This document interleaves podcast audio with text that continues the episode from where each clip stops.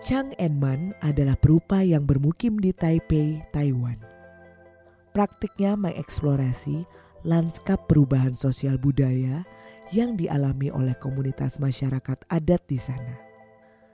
Ia mendalami budaya pangan masyarakat Taiwan.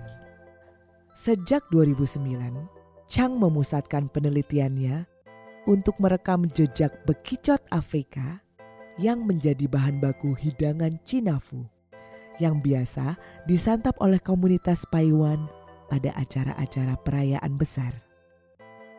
Snail Paradise Trilogy berupa tayangan video sepanjang 14 menit. Dalam video itu, tampak seorang laki-laki sedang bersenandung dalam bahasa Paiwan. Ia menceritakan asal-usul bekicot Afrika yang pertama kali dibawa dari Singapura ke Taiwan pada tahun 1932 oleh para tentara Jepang yang menduduki wilayah tersebut.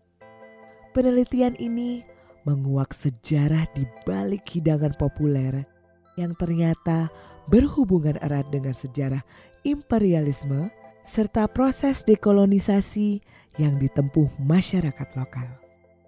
Sebagaimana dapat disimak dalam Snail Paradise Trilogy, kita belajar bagaimana migrasi hewan yang diwariskan oleh kolonialisme tidak hanya mengubah budaya pangan, tetapi menciptakan hama baru yang mempengaruhi sistem pertanian di Taiwan hingga hari ini.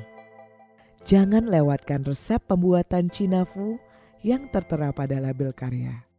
Apakah Anda berminat untuk membuat hidangan ini di rumah?